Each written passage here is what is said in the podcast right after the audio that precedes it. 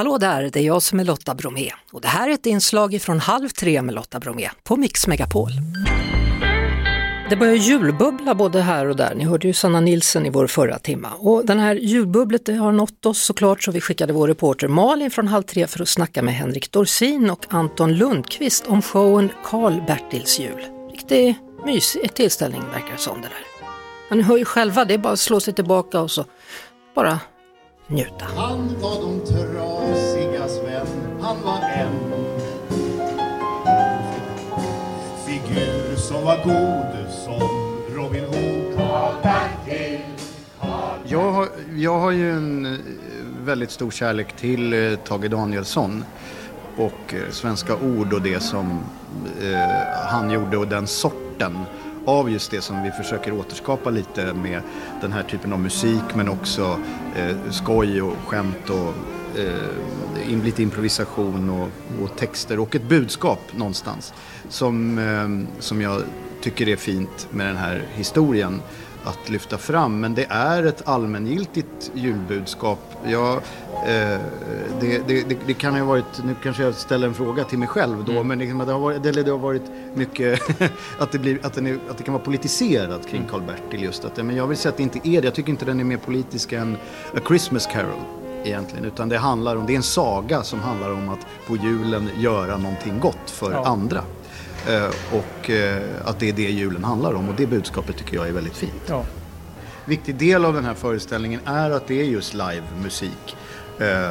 S- för det skapar en annan stämning och en helt annan känsla och är mycket mer följsamt eh, och som passar den här, den här sorten som vi gör. Nej men det är, det är viktigt att det är en, ta hand om liveupplevelsen som vi under ett par år inte har kunnat så att säga vårda på grund av pandemin och sådär. Men att live är något speciellt. Det är någonting annat och det händer i nu, det händer i stunden. Och då tycker jag personligen att det är viktigt att det kan få vara lite olika från kväll till Ja. kväll. Och finnas möjlighet till, till lite skoj och mm. hittepå. Ja. Men Anton, hur känns det att spela huvudrollen i showen? Jag älskar, jag älskar det. Nej, men det är jätteroligt. Samtidigt som det... Nu, nu är jag ju mycket mer bekväm än vad jag var förra gången vi satte upp den. För då var jag livrädd. Jag visste inte vad det skulle bli. Jag ska, hur ska jag spela en 14-årig pojke liksom, som alla har en relation till? Eh, men nu känner jag mig mer bekväm i att jag har det och att vi har en föreställning med ett format som bara är, är ljuvligt. Det är väldigt svårt att värja sig inför den här typen av föreställning med så underbar musik och då... Det är väldigt lätt att göra Karl-Bertil då. Jag skulle, jag skulle sträcka mig så långt och säga att Anton Lundqvist är Karl-Bertil.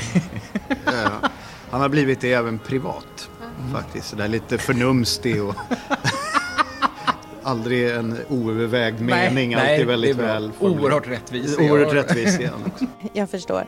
Jag tänkte bara höra med er här om ni har någon tidig julhälsning till våra lyssnare på halv tre. Det känns ju fånigt och så genomskinligt att säga kom och se Karl-Bertil Jonsson på Philadelphia. Det skulle ju kunna vara en, att få en riktigt god jul. Men jag skulle också vilja hälsa till alla, ta hand om varandra. Eh, ett leende kostar ingenting när ni ser någon i, i grådasket ute. Så ett litet leende, en liten blick, det behöver inte vara flörtigt. Det kan vara bara liksom lite så här, jag ser dig, god jul. Ja, jag gör det. Passa på nu när covid-restriktionerna är borta att närma er varandra lite, tycker jag, i vinter. Tack. god jul. God jul.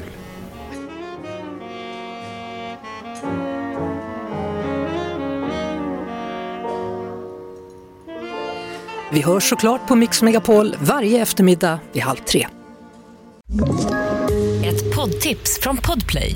I fallen jag aldrig glömmer djupdyker Hasse Aro i arbetet bakom några av Sveriges mest uppseendeväckande brottsutredningar. Går vi in med hemlig telefonavlyssning och, och då upplever vi att vi får en total förändring av hans beteende. Vad är det som händer nu? Vem är det som läcker? Och så säger han att jag är kriminell, jag har varit kriminell i hela mitt liv men att mörda ett barn, där går min gräns. Nya säsongen av Fallen jag aldrig glömmer på Podplay.